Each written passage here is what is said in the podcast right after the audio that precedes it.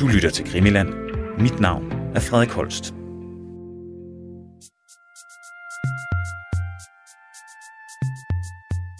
Velkommen til denne uges udgave af Krimiland-serien Palme Genbesøgt. En serie, hvor vi genåbner enkelte emner fra tidligere afsnit og forsøger at dykke lidt dybere og naturligvis komme med nye aspekter til efterforskningen. For vores ekspert, Anders Aarhus, rettede henvendelse til os, for han havde fundet ud af mere, som vi ikke var noget omkring i den tidligere serie. I den her uge så ser vi nærmere på tre af de forskellige efterforskningsledere, som Palme Efterforskningen havde gennem tiden. For med et forløb på mere end 30 år, så nåede der altså et par stykker ind over posten gennem årenes løb. De tre efterforskningsledere, som vi kigger nærmere på, er Hans Holmer, der som den første fik posten dagen efter mordet skete, Hans Ølverbro og så til sidst Christoph Pettersson. Og inden vi starter på gennemgangen, så giver Anders os lige en oversigt over, hvem vi snakker om. Ja, jeg kan lige sige ganske kort i sådan i første omgang navnene og perioderne i første omgang. Øhm, og øh, vi talte om, at vi skulle tage fat på Hans Holmer, som er sådan øh, et af de udtømmelige emner i øh, Palmesagen, og det er jo fordi, han er den første efterforskningsleder. Øhm, og øh, både er den, der på den ene side ville have haft mulighed for at gøre nogle ting. Altså det den ene, det var det med muligheder, han havde for, hvad rent faktisk at gøre, og hvad han så valgte at gøre. Altså det med, at han øh, hvad hedder det, i løbet af sin tid som efterforskningsleder øh, ender med at fokusere efterforskningen rigtig meget på øh, mistankerne mod PKK, den kurdiske øh, terror- og løsrivelsesorganisation. Og så det næste, vi skulle tale om, det er, og det er nok der, hvor uddybningsaspektet kommer ind, fordi øh, i en tidligere episode af Krimiland er der lavet en hel episode om Hans Ølvebru, som var efterforskningsleder fra 1988 til 1997, så vidt jeg husker tidligt i 97, øh, er han efterforskningsleder, og egentlig primært mest den måde, hvordan han kom ud af efterforskningen på. Og så var det tanken, at vi skulle tale lidt om øh, Christer Petersen. Peterson. Med K, ikke at forveksle med Christer Peterson, øh, som jo havde en helt anden rolle i sagen, men Christer Peterson, som var efterforskningsleder fra 2017, og så frem til, at øh, efterforskningen den blev nedlagt i 2020, øh, i forbindelse med det pressemøde, der blev afholdt. Vi starter altså ud med den første efterforskningsleder, Hans Holmer, og Anders han fortæller lige lidt om hans baggrund. Holmer er jo den første, og øh, det hører mig sådan med, synes jeg, til sådan præsentere folk sådan, hvor gamle er de, og hvor er de henne i livet. Det tror jeg, det på i den her sammenhæng, at det spiller en relativt stor rolle. Øh, Holmer er øh, på øh, det tidspunkt, hvor mordet sker i øh, 86, er han øh, midt i 50'erne. Jeg tror, han er 5 eller 56. Så han er jo sådan en, øh, en moden mand, stadig i karrierealderen, men med en karriere bag sig, og nok med håbet om, øh, at øh, han endnu havde karrierens højeste post øh, inden for rækkevidde. Det var det, han håbede på i hvert fald. Det kan vi vende lidt tilbage til.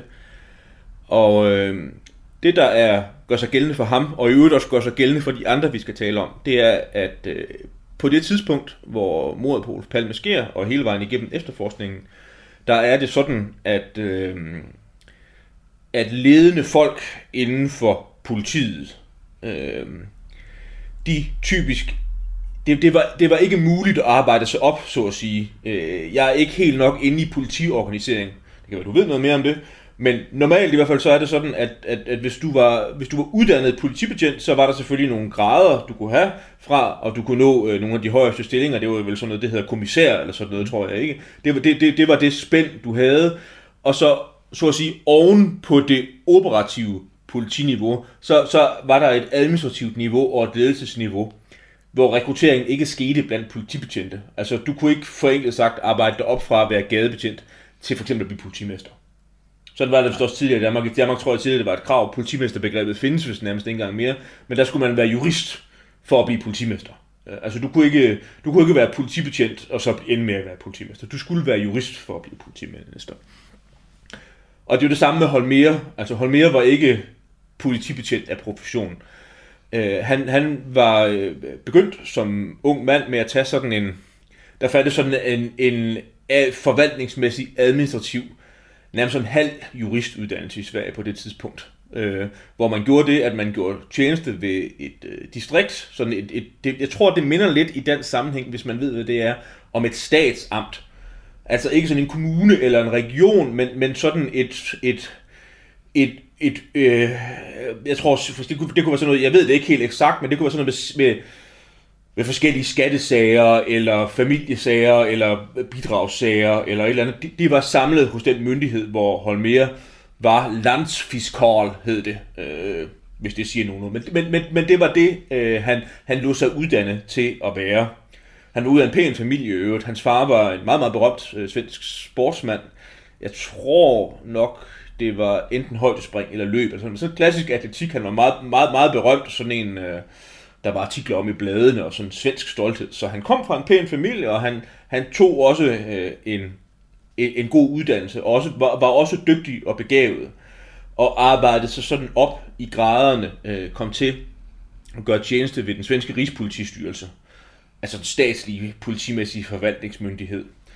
Og øh, blev faktisk efter, interessant nok, efter øh, Olof Palme blev statsminister i 1969, og så havde Sverige haft øh, deres CEPO-chef, altså Sverige, øh, chefen for den civile efterretningstjeneste. Øh, så blev han sådan mere chef for SEPO, det lyd, lyder lidt finere, end det var, fordi det var også administrativt. Altså, han var ikke operativ chef i SEPO. Han var ikke sådan en, der sad og bestemte, hvad efterretningstjenesten skulle foretage sig sådan ned på detaljniveau, men han var faktisk administrativ chef for den svenske efterretningstjeneste. Og var det igennem 70'erne. Og blev øh, i 1976 det, øh, han sådan var undervejs til at ende med at blive. Altså, da Palme bliver myrdet, er han lens politimester i Stockholm det svenske politi er, er indrettet på den måde, at der er sådan en, øh, en lokal, lokal politimyndighed. Politiet er stats, ligesom i Danmark, men det er, er, er bliver styret af nogle, hvad man kalder sådan nogle distrikter, som er knyttet til de svenske len, som svarer nogenlunde til de gamle danske amter eller regioner nu. Og der var han chef for, i Stockholm. Og det var så at sige den fineste, man kunne være. Det var den fineste stilling, han havde. Det, det, var, det var en, med lidt gamle udtryk, en stor stilling inden for politiet at være lens politimester i Stockholm, hvad han var blevet på det tidspunkt. Han var administrativ chef for hele politiet i Stockholm. Øh, og var også sådan en respekteret politimand. Øh, nu sagde jeg lidt om det der med hans karriereplaner. Og på det tidspunkt, hvor der i 86, hvor Holmer er lens politimester, der øh, hedder Sveriges øh, rigspolitichef, Holger Romander, skal, ved man, ja, sådan begynder at nærme sig pensionsalderen. Han, han skulle faktisk have været pensioneret i 86. Og så lå det sådan lidt i kortene, også fordi Hans Holmer havde den socialdemokratiske regerings tillid. Han var personligt bekendt med Olof Palme, for eksempel. Altså sådan, de vidste, hvem hinanden var. Han kendte folk i regeringen. At der var, var sådan gode muligheder for, at Hans Holmer faktisk på sigt skulle være rigspolitichef i Sverige. Altså den øverste øh, leder af hele det svenske politi. Hans Holmer var fra en god familie, en mand midt i livet, og så var han altså på vej godt op af den karrierestige, han havde uddannet sig imod. Han havde været administrativ chef for SEBO, og nu er han altså nået titlen som lenspolitimester i Stockholm, og det her, han bliver draget ind i efterforskningen.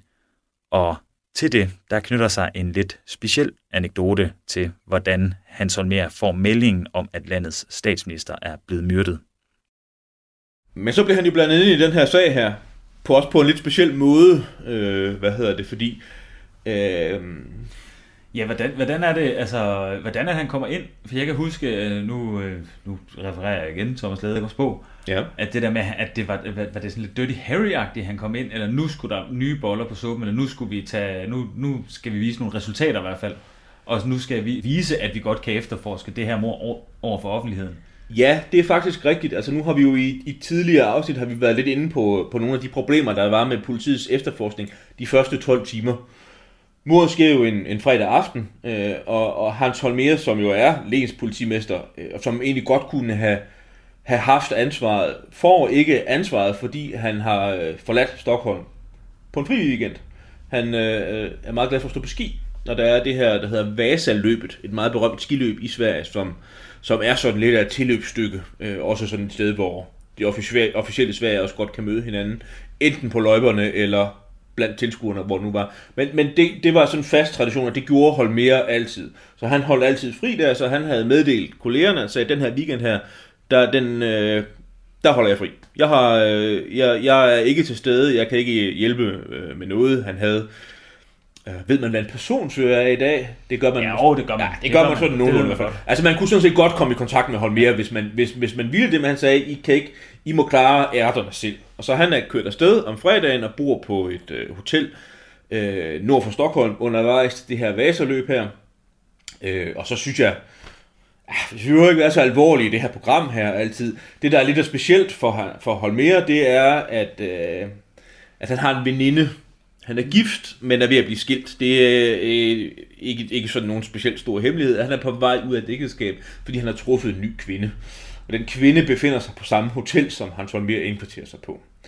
Og så gør han så det, da han op befinder sig på hotellet, det er, at han lader alle sine ting her under sin personsjøl ligge på sit eget værelse, og så går han ind på venindens værelse, så man kan slet ikke få fat i hans mere om natten.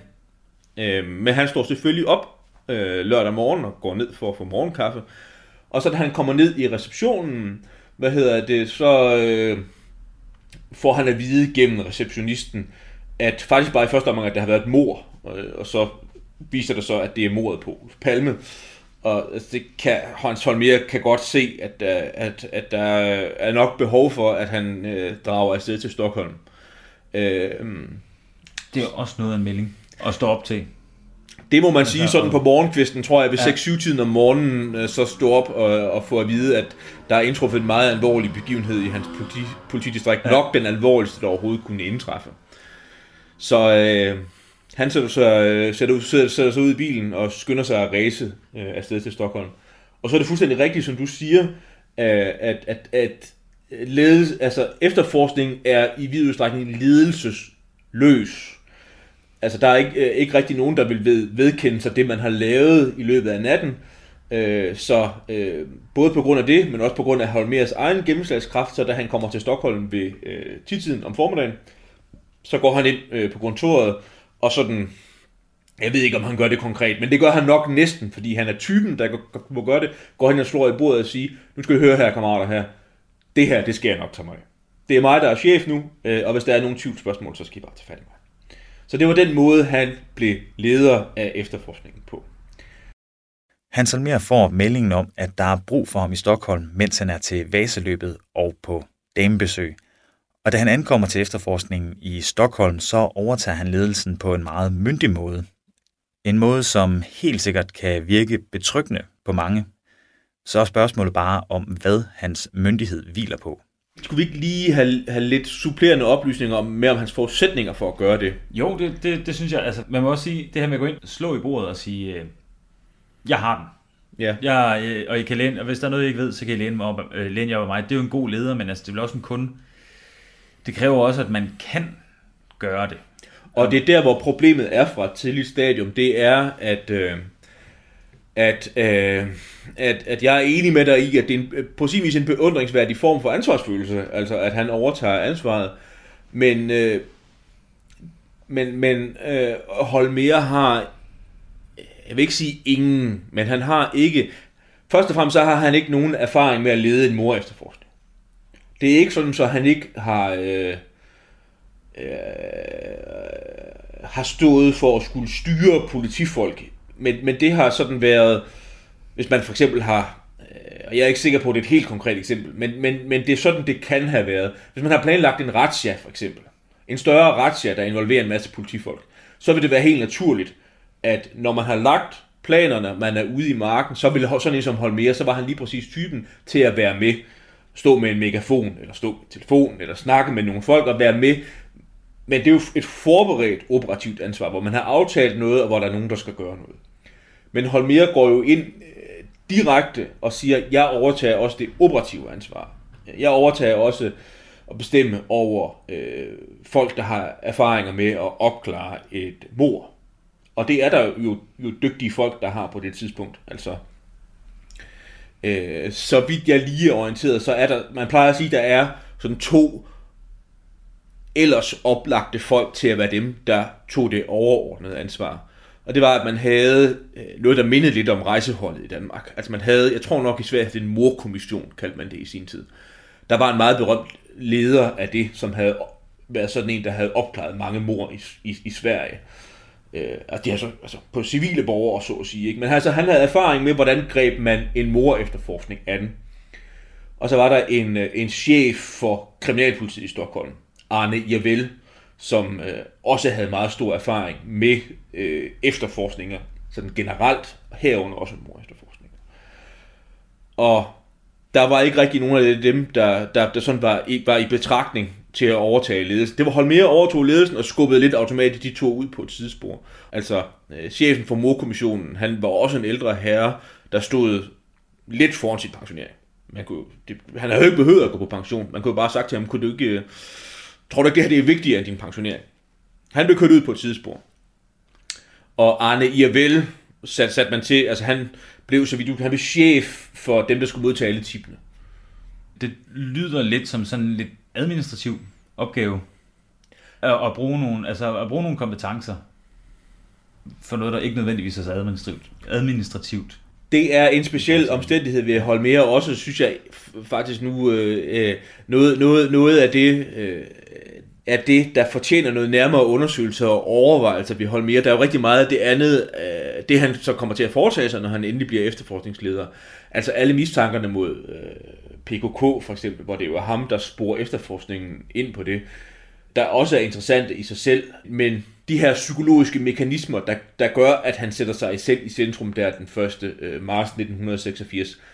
Og det han gør i den første periode, altså fordi nu har vi jo for eksempel været inde på på sådan noget med, med afhøring af vidner, gerningsstedsvidner osv., øh, hvor der er nogle indikationer i retningen af, at der er i hvert fald noget, der går galt med det operative ansvar. Øh, altså at, øh, at, at nogle af de andre erfarne kræfter, der, der, der kendte til mor efterforskninger for eksempel, må have vidst, at det var af helt afgørende betydning, at man tidligt fik afhørt gerningsstedsvidner. Øh, og der har jeg i hvert fald svært ved at frigøre mig fra den mistanke af, at, at det er et af de områder, hvor man ser resultatet af, at det ikke bare holder mere selv, men også de personer, han beslutter sig for at omgive sig selv om. Fordi han gør jo selvfølgelig ikke det alene, men han får frie hænder til at sammensætte en efterforsknings, altså efterforskningsledelsen i form af en gruppe. Det er nogle folk, han udpeger, det er hans øh, stedfortræder, og så er det nogle andre, der, der har det samme til fælles som Holmer selv, at de har masser af administrativ erfaring men, men de har stort set ingen operativ erfaring. Altså dem, dem, der, dem han omgiver sig med, er, altså der sidder også folk fra SEPO for eksempel, og det er nok også meget fint, at der sidder folk med fra, fra, fra, fra SEPO, men, men det er igen det samme, altså det, det er folk, der er vant til administrative opgaver. Der sidder ikke, der sidder ikke nogen med, der har 100, øh, 100 morsager bag sig. Nej, man kan vel sige, det, og det, og det er vel der, man tænker, at en af altså den fejl for eksempel med, at øh, NM han får lov til at gå 14 dage. Jeg ved ikke, om der er en Eller, direkte årsagsforbindelse, altså, men, nej, men det er nærliggende at tro i hvert fald, at, at, at, at der er, ja, der er en, en forbindelse. Så det vil jeg sige, det, det er et væsentligt aspekt at overveje i forbindelse med Holmere. Det er, hvorfor, hvorfor bliver det sådan, at efterforskningen fra det allertidligste stadium bliver sådan et anlæggende for folk, der har øh, administrativ erfaring, og ikke folk, der har forstand på opklaret mor. Det er svært at forstå selv den dag i dag, og nok også et af de sådan der er jo mange af dem, men sådan et af de kritikpunkter, der har holdt sig mange år, og en af de områder, hvor vi desværre står lidt uden et svar. Jeg tror, udkastet til et svar, det er, at øh, øh for det første holde mere egen gennemslagskraft. Altså der, der kommer en og træder ind på scenen, som tager hele ansvaret, og fordi han gør det, hvilket passer rigtig mange andre godt, fordi så slipper de jo for at tage ansvaret, det er så også, at han får meget fri hænder, og han får ikke noget modspil. Og så er der ikke nogen tvivl om, at, at der er også den svenske regering har stor tillid til Holmer. Han har i mange år været, været kendt for at øh, være sådan en, en embedsmand, som de socialdemokratisk prægede regeringer i Sverige, det var der jo mange af, kunne stole på. Så det ja. tror jeg også var, var et vigtigt aspekt i forhold, øh, i forhold til Holmer. Dybest set fordi han, han, får, han, får jo, han fik lov til, det ved man, det, det han gjorde, jeg synes godt, man kan sige, at det var i strid med drejebogen. Det var ikke sådan, øh, at regulativerne for, hvordan en mor efterforskning skulle gribes an, var. Så kan man selvfølgelig sige, at der er jo ikke nogen, der var i tvivl, altså man var ikke i tvivl om, at mordet på Sveriges statsminister var en undtagelsessituation. Og også en undtagelsessituation, der kunne begrunde, at man lavede undtagelser fra det, man normalt plejede at gøre. Men, men jeg synes, det relevante spørgsmål at stille, det, det er, hvad var grunden til, at man i så høj grad øh, og i så bred forstand øh, ikke skete til, øh, hvad, hvad al erfaring tilsagde, at man burde gøre. Det var nok rigtigt, det var en følsom sag, det var øh, et sag for, af betydning som, for Sverige som stat, men alt andet lige, så burde man nok have haft blik for, at, øh, at øh, hvis man skulle have haft en effektiv efterforskning i det tidligste stadium, så skulle man selvfølgelig have spurgt nogen af dem, der havde lang og bred erfaring med at opklare en morsag. Og det gjorde man ikke. Hans Holmer overtog den ledelsesløse mor efterforskning dagen efter mordet og efterforskede blandt andet spor mod den kurdiske bevægelse PKK, men allerede året efter måtte han gå af, og i 1988 der tiltræder hans Ølverbro efterforskningen. Så nu er det ham, vi går til. Og her kommer vi så ikke til at lave den helt brede gennemgang af hans Ølverbros tid som efterforskningsleder, for det har vi sådan set allerede dedikeret et helt afsnit til. Det kan du høre i afsnit 57 af Krimiland Palme, der blev sendt den 1. december 2019, og som kan findes på radio4.dk. Den brede pensel om Ølvebro er lavet i form af et afsnit. Så, så ja. hvis, hvis man har, jeg synes, hvis der, hvis der er brug for at få sådan den generelle orientering om, om Ølvebro, så, så skal man tage fat i det afsnit igen. Ja. Men, men det, der er sket, det er jo, der er heldigvis sket noget, siden vi indspillede afsnit sidst. Ja. Der kommer hele tiden nyt, nyt og uddybende materiale frem. Øhm, og det, øh, der har forbløffet mig en hel del, det er, at nu har vi fået en hel del flere detaljer om, øh, øh, om øh, da Hans Ølvebro forlod øh, posten som efterforskningsleder. Altså, som, hvis vi lige skal rise baggrunden kort op, så sker der det, at i øh, foråret 88 bliver Ølvebro efterforskningsleder. Og det bliver han på baggrund af sådan et længere afklarende forløb. Holmere må gå af først i 1987, og så er der sådan en bred enighed om, at, at man er nødt til at reorganisere efterforskningen på en ny måde. Det bruger man noget tid på at overveje, og så følger man, gør man faktisk det, vi talte lidt om med Holmere, man burde have gjort. Altså man tog fat i øh, det svenske Rigspolitistyrelse, og så fandt, fandt man en efterforskningsleder først og fremmest. Man mente, det der ville være velegnet, og det var så Ølveblu. Ølveblu var en yngre mand, øh, først i 40'erne, så vidt jeg husker.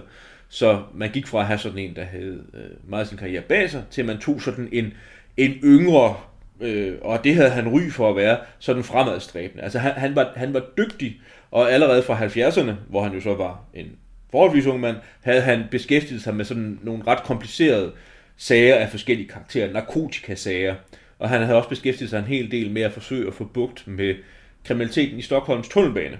Altså metroen vil man kalde den på dansk, ikke? Men altså, og det, er jo, det, det, det tror jeg nok med det, det forstand, jeg har på politiarbejde, så er det sådan noget svært og træls politiarbejde, fordi øh, kriminalitet er jo ikke nogen naturlov, men, men sådan noget med storbykriminalitet og storbykriminalitet på offentlige områder er hvis nok notorisk svært og besværligt at få bugt med. Altså, Altså, jeg vil, jeg vil tænke, jeg tænker, du har helt ret i det, og, altså, i at det er svært, og jeg tænker også, det er jo, altså sådan, i forhold til, sådan, hvis man skal gøre det bare via benhårdt politiarbejde, det er jeg i tvivl om, om det er nærmest en, en måde at kunne gøre det på, at blive ved med at sætte, øh, sætte de samme overfaldsmænd, herværksmænd øh, i fængsel. Altså, jeg, jeg, jeg er i tvivl om, hvor effektivt værktøj det er at sætte sig for med politiarbejde og ændre kriminalitetsniveauet i for eksempel tunnelbanen. Og det var sådan noget, Ølvebro havde, havde ry for, at det havde sådan nogle komplicerede opgaver. Og det havde, det, det, det havde ry, ry for at være dygtig til. Uh, han havde ry for at være sådan uh, meget retlignet, uh, hvad hedder det, uh, men også, altså, det er lidt svært, fordi meget af det her handler også om psykologi, øh, og det er jo så bare min psykologiske bud. Jeg tror, noget af det bedste, man kan gøre, det er, at man kan prøve at se, øh, bare, det behøver ikke være specielt systematisk, men prøve at se nogle klip, hvor han så mere udtaler sig, og prøve at se, hvilke følelser han vækker i en. Så tror jeg nok, man får lidt af det der, du brugte begrebet Clint Eastwood, ikke? Altså man kan godt se, at, at det, det, det var sådan, Hans mere var. Det var, han var sådan en, en, en kontant, selvbevidst type. Og hvis man ser klip med hans ølvebue, så kan man godt se, at han er sådan mere afdæmpet øh, type, mere rolig, øh, sådan mere systematisk. Og også, det er, det er lidt synd, synes jeg, hvis noget kan være synd for en politimand i den position, havde jeg snart sagt, Der, der er nogen, øh, synes jeg, der har fokuseret alt for meget på, øh, at, at, øh, at, at Ølvebru i den periode, han var efterforskningsleder fra 88 til 96, at han havde den her store succes faktisk først med Christa Pedersen. Det var det jo i, i, i, lang, øh, i en lang periode, og blev det anset for, øh, at det var en form for gennembrud i efterforskningen, at man rent faktisk, øh, at det lykkedes for, for efterforskningen at få indkredset en mistænkt og få lavet et anklageskrift og så forsøgt så få, få stablet en sag på benene. Så blev han så frikendt i anden instans og så videre. Men, men det, det var godt politiarbejde. Uanset hvad man mener om det, så var det godt og systematisk politiarbejde. Hans Hølvebue fik sat skik på en, øh, en noget medtaget organisation. Og når, det kan man godt se, synes jeg, når man ser med ham, det er, at han er sådan retlignet, systematisk, en, der går sådan ret logisk frem, øh, når man ser det i ham. Øh, så så, så det, det synes jeg sådan er interessant, når man skal lave den psykologiske sammenligning. Og det var også det, han var kendt for i mange år, og det har vi også talt meget om i det vi talt om før. Det, der er interessant nu, og jeg synes, vi skal, vi skal jo til direkte sige, hvad det er, der er interessant. Hvad hedder der? Ikke så meget omsvøb. Det, der er sket, siden vi indspillede afsnit sidst, det er, at øh, der er kommet en meget interessant bog om mordet på Olof Palme. Jeg vil gå så vidt som til at sige, at det er formentlig det mest interessante, der er kommet i mange år. Og den er forfattet af en øh, svensk jurist, Hans Gunnar Axberger, som er sådan en, kan man, man, man kan godt sige, at han er en berømt embedsmand i Sverige. Meget fremtrædende embedsmand i Sverige, der har haft mange sådan øh, ret eksponerede roller. Dyg, dyg, dygtig jurist, lang juridisk baggrund, har været med i sådan nogle store statslige undersøgelser som ekspert, øh, og har haft, øh, altså presseombudsmand har man en institution, der hedder i Sverige, som er sådan en, en, en, en jurist, der tager sig af sådan nogle presserelaterede sager. Det behøver vi ikke gå så meget i detalje nu. Han er, han, han er berømt og respekteret.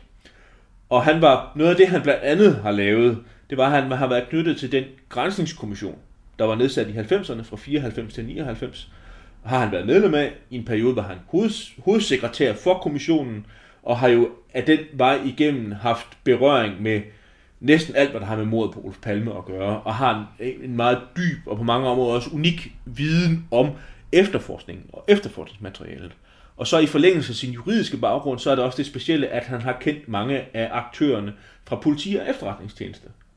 Altså fordi det har været naturligt i forlængelse af hans profession, at han, han har for eksempel kendt Hans mere personligt, kendt Hans Ølvebro personligt, kendt nogle af folkene fra Sæbo personligt, kendt rigtig mange af de anklager, der har været knyttet til sagen.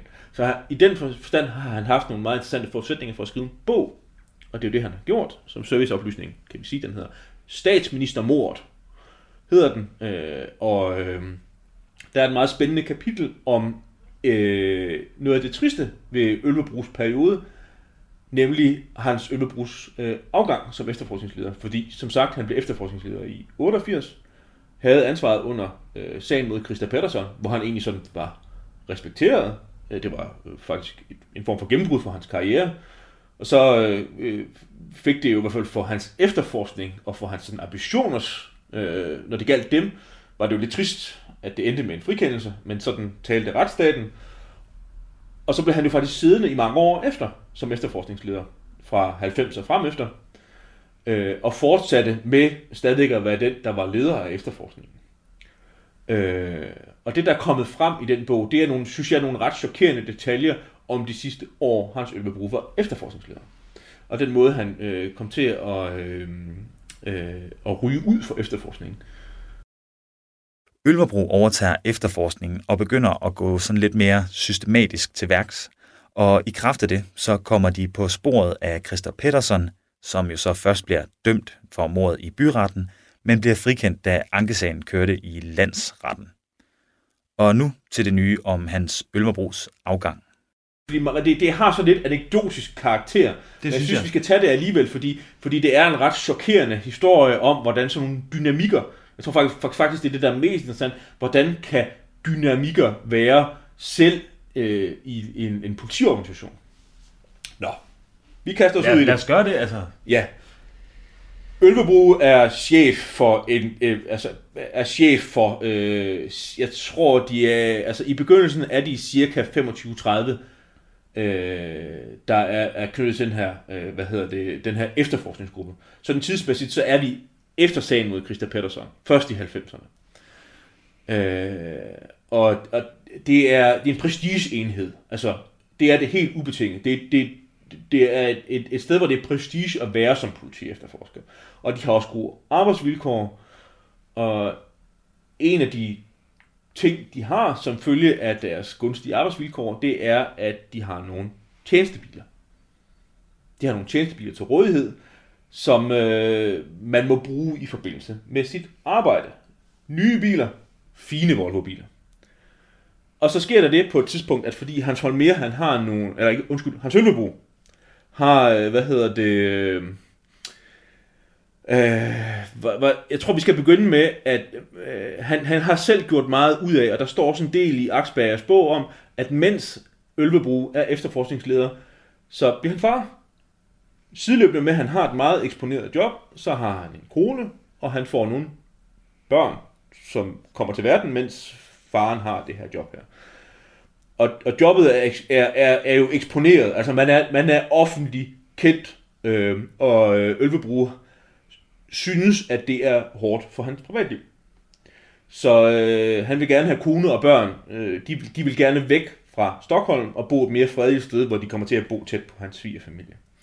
Så noget af det, Ølvebrug får brug for, det, det er nogle, skal vi kalde dem, ekstraordinært fleksible arbejdsvilkår.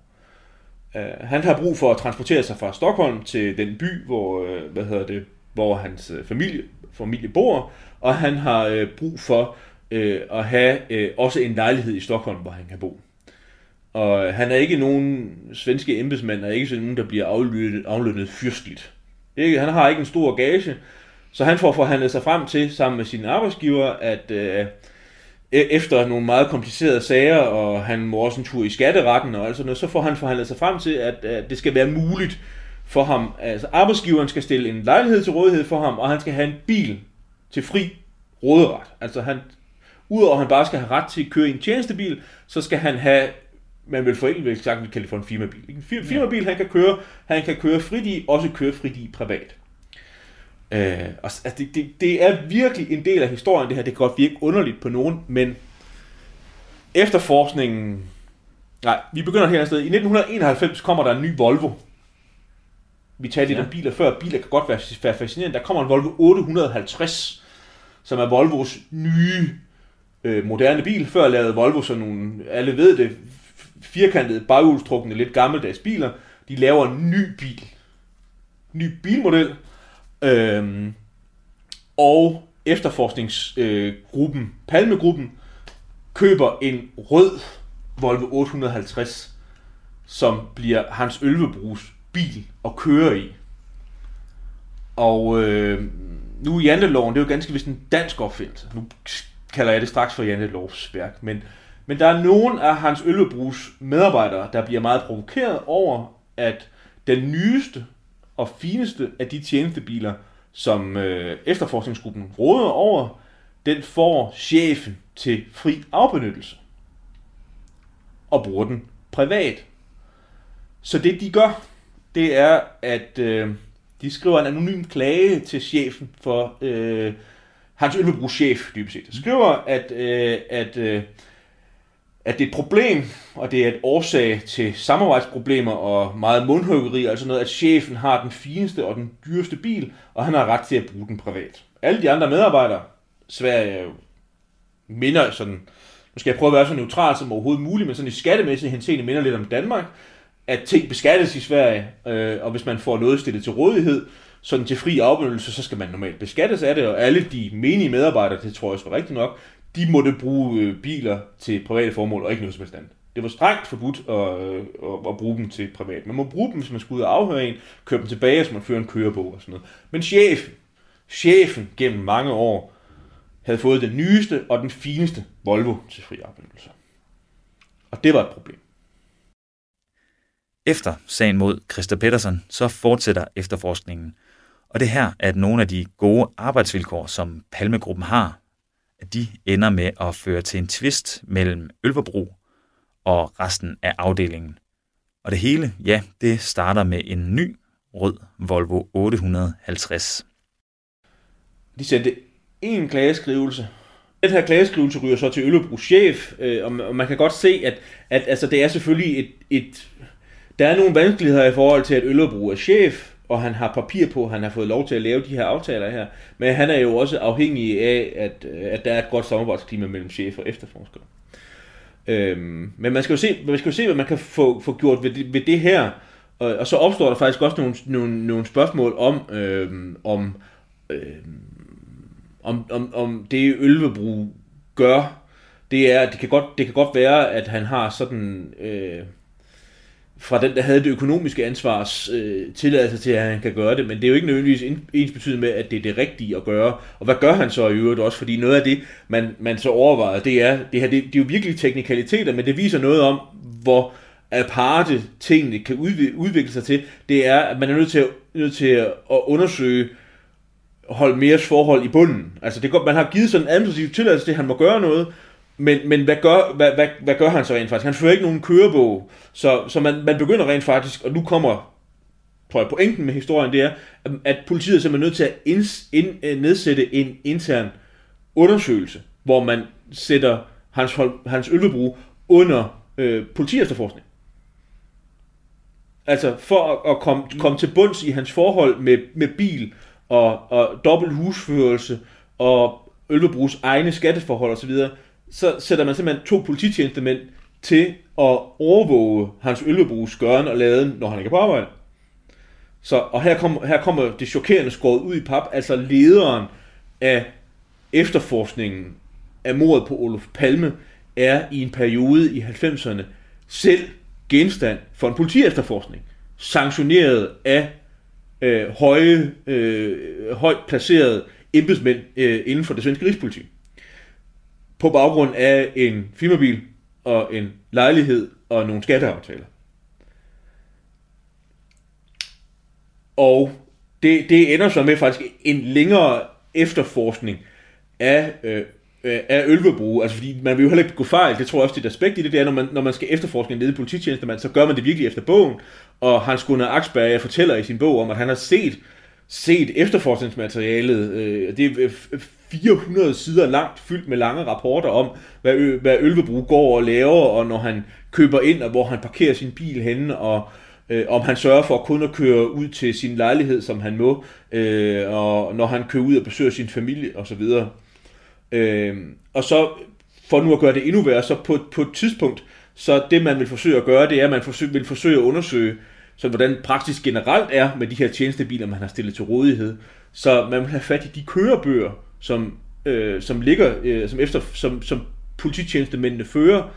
Og det man så forsøger at gøre, det er, at man kan jo ikke ringe til Ølvebru og sige til ham, øh, øh, i forbindelse med en sag, vi er ved at føre mod dig, så vil vi sådan gerne i al almindelighed sige, se noget materiale om, øh, hvad hedder det, efterforskningsgruppens anvendelse af tjenestebiler, som man, man tager fat i stedet for i, øh, i Ølvebrugs næstkommanderende, og siger til ham, øh, hvilket i øvrigt sådan er lidt retsstatligt med sit betænkeligt, sige, øh, kunne, du ikke lige, øh, kunne du ikke lige tage en flyttekasse, kunne du ikke lige gå ned og hente de der øh, kørebøger der, og så kunne vi via anklagemyndigheden, kunne så ikke lige få dem? Og så sker der så det, det, det påfaldende, bare for at gøre det sådan endnu mere kafkask, det begreb til jeg mig at bruge, det er, så siger øh, Øllebrugs næstkommanderende heldigvis, at det kan ikke komme på tale. Altså hvis det er sådan, at man er i færd med at lave en efterforskning af mistanke om noget kriminelt, så er man nødt til at anskaffe sig en dommerkendelse for at få fat i hold nu fast, Palmegruppens interne administrative materiale. Så det sker simpelthen, at, øh, hvad hedder det, mens Ølvebro er leder, så sker der det, at øh, for øh, at få rodet op i alle de her ting her om tjenestebiler og aftaler, øh, og øh, kørebøger og sådan noget, så, så bliver der, får man en dommerkendelse til, at der på et tidspunkt, mens folk, mens folk de sidder og arbejder i Palmegruppen, så kommer der to polititjenestemænd udefra med et dokument i hånden, og siger, vi er ved at efterforske mistanker om svindel med Palmegruppens brug af tjenestebiler, så vi beslaglægger jeres kørebøger. Altså, når sådan en, når sådan en sag kører, altså det vil, det vil ikke det bedste arbejdsklima, det giver. Det, skulle... altså, det, det kunne jeg ikke forestille mig, at altså, og også, og også hvis man umiddelbart ikke, hvis man nu sidder i afdelingen og ikke har været klageskriver, så ved man vel ikke nødvendigvis, hvem fanden der er, der har skrevet klagen, og hvem der har, hvem, på vis foranledning. Det var anonym jo, at, altså man bare underskrevet at, at, alle, men man, man vidste jo ikke i princippet, det kunne jo godt være, at det var, var 5 ud af 10, der havde skrevet under på den, og så bare udgivet sig for alle. Så, så, og det er egentlig også der, hvor jeg vil hen med den her ja. historie om Ølvebro, det er, det, det er den specifikke interessante historie om Ølvebro sidste tid, som, som der bliver løftet sløret for i den her øh, nye bog af Hans Gunnar Aksberg, som i øvrigt er meget læseværdig. Vi kan måske vende den lidt dybere ved en anden lejlighed. Men, men det er de her tragiske omstændigheder i hjertet af efterforskningen mod på Olof Palme, i, og her befinder vi os tidsmæssigt i årene i midten af 90'erne, altså øh, øh, 5, 6, 97, de sidste år, øh, hvor det her foregår, der er det noget, der foregår ved siden af, og, og det kan alt andet lige jo ikke have forstyrret arbejdet. Altså, det, det, det, det ansvar, man stadigvæk har for at fortsætte efterforskningen, øh, modtage tip, øh, opfølgninger øh, af tip osv., det kan ikke alt andet lige have, have undgå, at, at det har lidt skade på baggrund af, at man må, man må slås med sådan noget her. Øh, og, og, øh, og, og, jeg synes bare for sådan at afrunde det, øh, altså det personlige for, for Ølvebro, så, så får det jo den øh, konsekvens, at til sidst, så, øh, så, øh, øh, altså, så forlader han jo efterforskningen. Altså han, øh, det, det øh, bliver simpelthen for meget for ham, at, at øh, at øh, han har skulle, altså det har, det har været noget rent personligt for ham, det her med hans egne ansættelsesvilkår, øh, han har skulle få på plads, og så som, øh, som øh, i kølvandet på, han har fået det her, så, øh, hvad hedder det, øh, så, så at, at, at hans egne private vilkår skal føre til et så forværret arbejdsklima, øh, og at, at de konsekvenser, der er, det, det er en politiefterforskning, så han jo mere eller mindre tager sit gode tøj og siger, så går, går min vej og finder noget andet at lave. Jeg vil ikke have noget med det her at gøre overhovedet. Og vi ved jo også, at han var meget udbrændt i mange år efter, og vil ikke, vil ikke fortælle, øh, vil ikke udtale sig om de år. Øh, et enkelt citat, som vi også har med i afsnittet, det tidligere afsnit i Krimland kan være meget sigende. Altså han sagde, at det var, det var spildte år. Han, det var år, han spildte af sin tilværelse. Øh, og, og det er jo tragisk, øh, at det skal være sådan. Så det, det er en lidt ærgerlig fodnote om, øh, øh, om, øh, om en afgørende periode af efterforskning, synes jeg. Og også, også et vidnesbyrd om, øh, at øh, ja, øh, at efterforskningsarbejdet har været øh, vanskeligt, også gjort vanskeligt af personalet selv. Øh, så jeg vil meget varmt anbefale, at, øh, at hvis man er i tvivl om, om man synes, Aksbergers øh, bog er interessant, så kan man blade videre til de her cirka 10 sider om den her periode her, som øh, Aksberger, øh, han, han skriver utroligt godt, er, og det er der også der nogle tragiske, komiske aspekter af det her. så hvis man, bladrer, hvis man får bogen hjem, bladrer frem til de her sider, der er om det her, og læs dem. Og hvis man synes om dem og er spændende, så læs endelig hele på. Så de specielle arbejdsvilkår for Hans Ølvebro fører altså til, at han får nogle lidt ekstraordinære goder for en offentlig ansat. Udover en lejlighed i Stockholm, som han kan opholde sig i, når han arbejder, så får han også en ny rød Volvo 850 til fri afbenyttelse. Både i arbejdstiden og uden for arbejdstiden. Og det, ja, det falder ikke i god jord hos hans kollegaer, så det afføder en klage til politiledelsen. Og her springer vi i tiden, og vi springer faktisk et stykke frem. Vi springer 20 år frem, frem til 2017, hvor Christer Pedersen indtræder som chefanklager og som en form for efterforskningsleder. Ja, fordi så er der jo en lang, lang, lang periode, hvor, øh, hvor øh, der nu for at sige det pænt ikke sker så forfærdeligt meget i efterforskningen.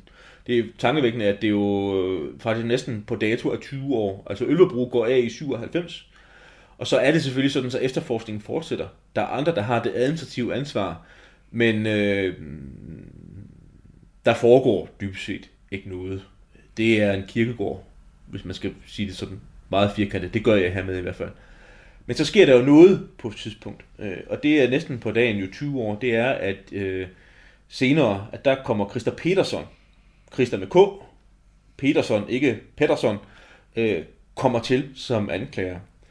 Øh, og der er nogle, jeg, jeg synes, der er noget grundlæggende interessant, der går forud for det. Og det er selvfølgelig, at, øh, at der, jeg er ikke færdig med at tænke over, hvad den kan være endnu. Men der er en ekstern faktor, der gør, at man efter 20 års passivitet så får man en, øh, en, øh, efterforsk, øh, en efterforskningsleder, der har mandat til at sætte gang i efterforskningen igen.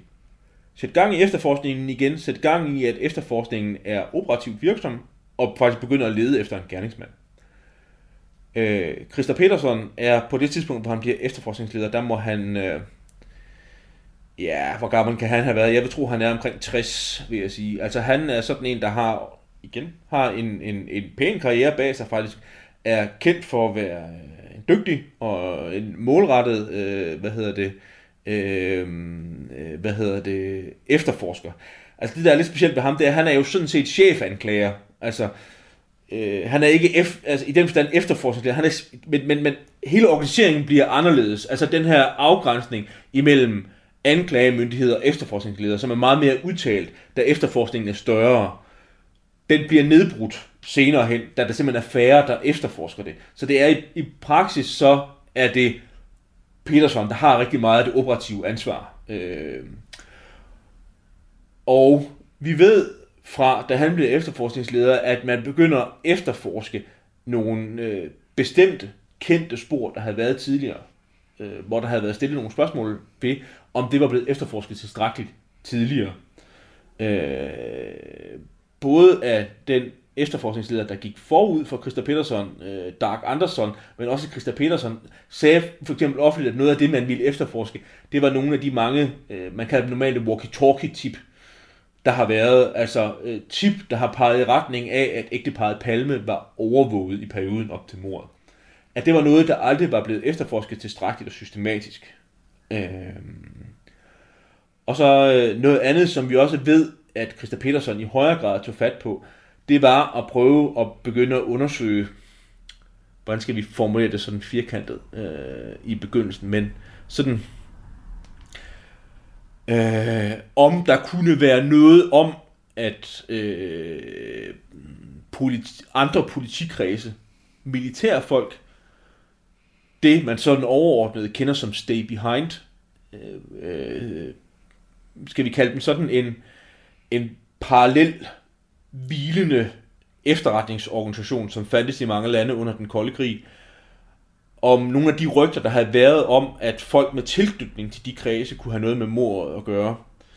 Øh, at det var sådan noget, Christer Petersen faktisk begyndte, det ved vi, ved vi i dag, begyndte at efterforske, efter han kom til i 2017, mange år efter.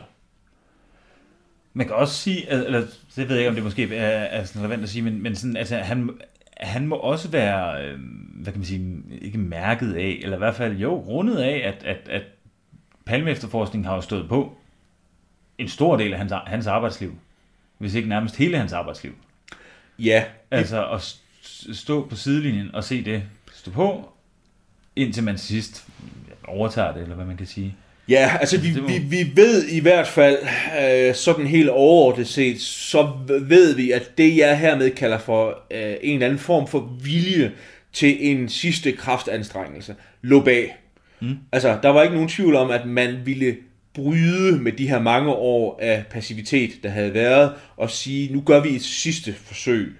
Og et af de ting, man så gjorde, det var, at man valgte, valgte en, øh, en, en chefanklager, øh, Christa Peterson, til at gå ind og sige, øh, jeg har noget gennemslagskraft, jeg har øh, en, en, øh, en professionel, eller næsten vel også, tror jeg, privat motivation for at prøve at gå ind i den her sag her, og gøre det, der skal gøres, og også i nogle tilfælde røre ved det, ingen havde rørt ved før. Øh, og jeg tror stadigvæk, vi skal, vi skal vente, øh, hvad skal vi kalde det, nogle tid, nogle år på sådan at og helt for, for, fordøjet den periode og få materialet gjort tilgængeligt. Men vi ved jo nogle ting. Vi ved nogle ting i dag, fordi der er mange af efteropforskningsdokumenter, der bliver tilgængelige, om hvad Christa Petersen for eksempel helt konkret gjorde. Øh, fordi det kan vi se, fordi mange af efterforskningsdokumenter, også fra hans tid, er jo blevet ganske vist i sådan, øh, hvad hedder det, censureret, overstreget form, men relativt tilgængelig form er blevet tilgængelig. Altså vi kan se rigtig mange af de ting, som efterforskningen har gjort. Og øh, jeg synes, det kan jo sammenfatte nogle, nogle af dem, som vi ved var relativt nyt. Og noget af det, man for eksempel valgte at gøre, det var, at man, man valgte at afhøre nogle af de personer, der var i live endnu, som hørte til Palmes, øh, Palmes fortro, altså politisk fortrolige, nogle af dem, han havde arbejdet sammen med. Øh, en af de ting, som der har været meget opmærksomhed om, og som vi også har drøftet i et særskilt afsnit af Krimland, det var, at man, af, øh, man afhørte Palmes visestatsminister, Ingvar Carlson, som også var hans øh, hvad hedder det, afløser. Mange år efter, så vidt jeg husker i 2018, gennemførte man et forhør med ham. Øh, og det, det var helt nyt, det havde man ikke gjort i, øh, hvad hedder det, øh, i mange år, altså han var blevet efterforsket, sådan, eller ikke efterforsket, afhørt rutinemæssigt i, i årene omkring mordet. Men, øh, men han, vi kan læse dokumentet i dag, vi kan se, at han, han, han bliver afhørt ud fra den devise af, har du, har, har, er der noget, du har tænkt over igennem alle årene? Var der noget, efterforskningen ikke har spurgt dig om dengang? Øh, og så videre, som man valgte at gøre. Øh, som jeg nævnte på et tidspunkt, så, så fokuserede man også en del af efterforskningen i retning af nogle af de øh, navngivende, primært militærfolk, som man vidste, der havde været mistanke om før. Altså, vi kender ikke deres navne, men vi kan simpelthen se, at efterforskningen under Petersons ledelse sendte anmodninger om at få øh, for eksempel materiale ved SEPO, altså svenske efterretningstjeneste, om de pågældende personer. Altså, man prøvede at få fat i nogle oplysninger, som vi ved, efterforskningen har været nu bruger jeg et værdiladet begreb, påfaldende uinteresseret af før. Så det, var, det var også nyt. Altså det var nyt, at, øh, at, at man forsøgte øh, at, øh, at gennemføre sådan nogle efterforskningsmæssige tiltag. Øh, og noget af det, vi også fik bekræftet øh, gennem Christa Petersens efterforskning, det var, at øh, Palme-efterforskningen havde selv så mange år efter, havde svært ved at få et samarbejde i stand med SEPO. Altså det er sådan noget, der hele tiden har ligget lidt i, i, i, i, i, i, i bagtæppet, og også har været en katalysator for, for nogle mistanker om, at der var noget galt mellem det, man så lidt forenklet kalder det åbne og det lukkede politi. Altså at en, at en efterforskningen af mordet på Sveriges statsminister kunne ikke i fornødent omfang stole på, at man kunne få materiale eller samarbejde i, stand med efterretningstjenesten.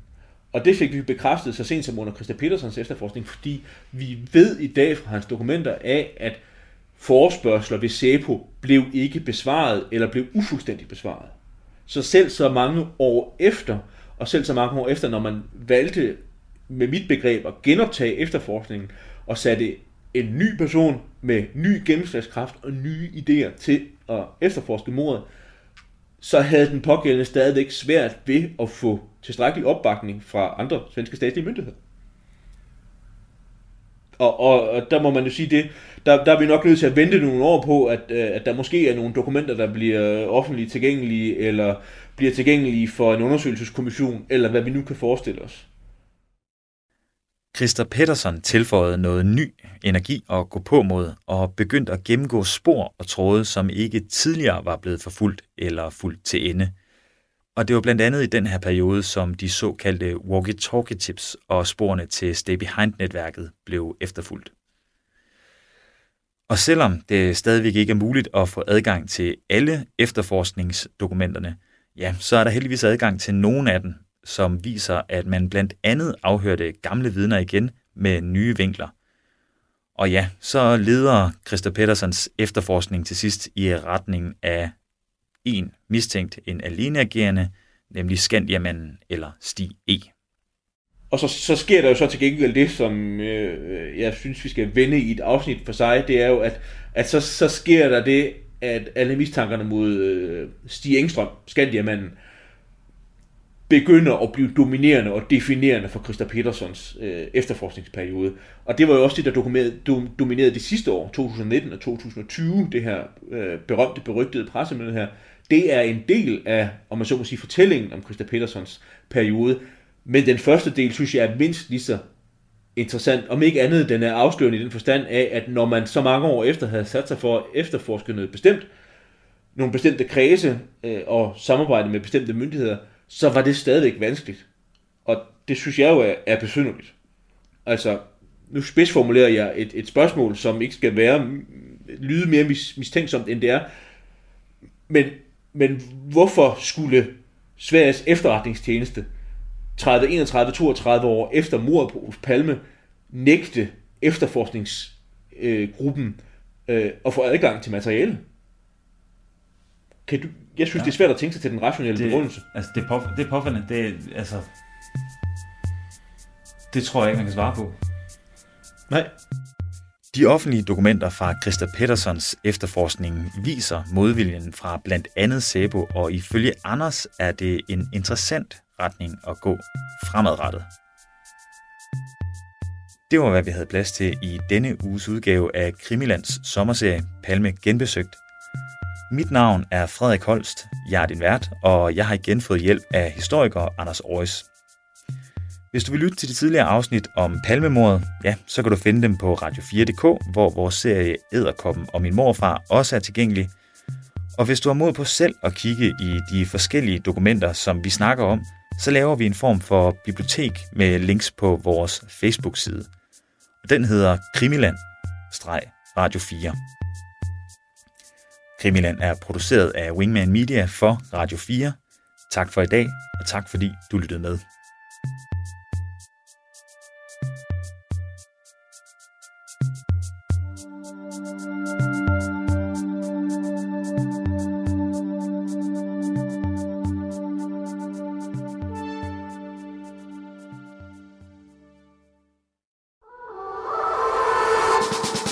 John Paul George Ringo. Det er nærmest et børnerim. I årvis har man diskuteret, hvem der egentlig var den femte Beatle. Jeg synes ikke, det er helt forkert at sige, at The Beatles er en af de 20. århundredes største myter. Over sommeren sætter Beatles-nørderne Christoffer Lind og Nils Jakob Myge jagten ind på at finde den, som har gjort sig fortjent til titlen. Nu skal vi have det etableret en gang for alle. Hvem var den femte Beatle? Fra store personligheder til anonyme vandbærere, dramatiske livshistorier og tragiske skæbner.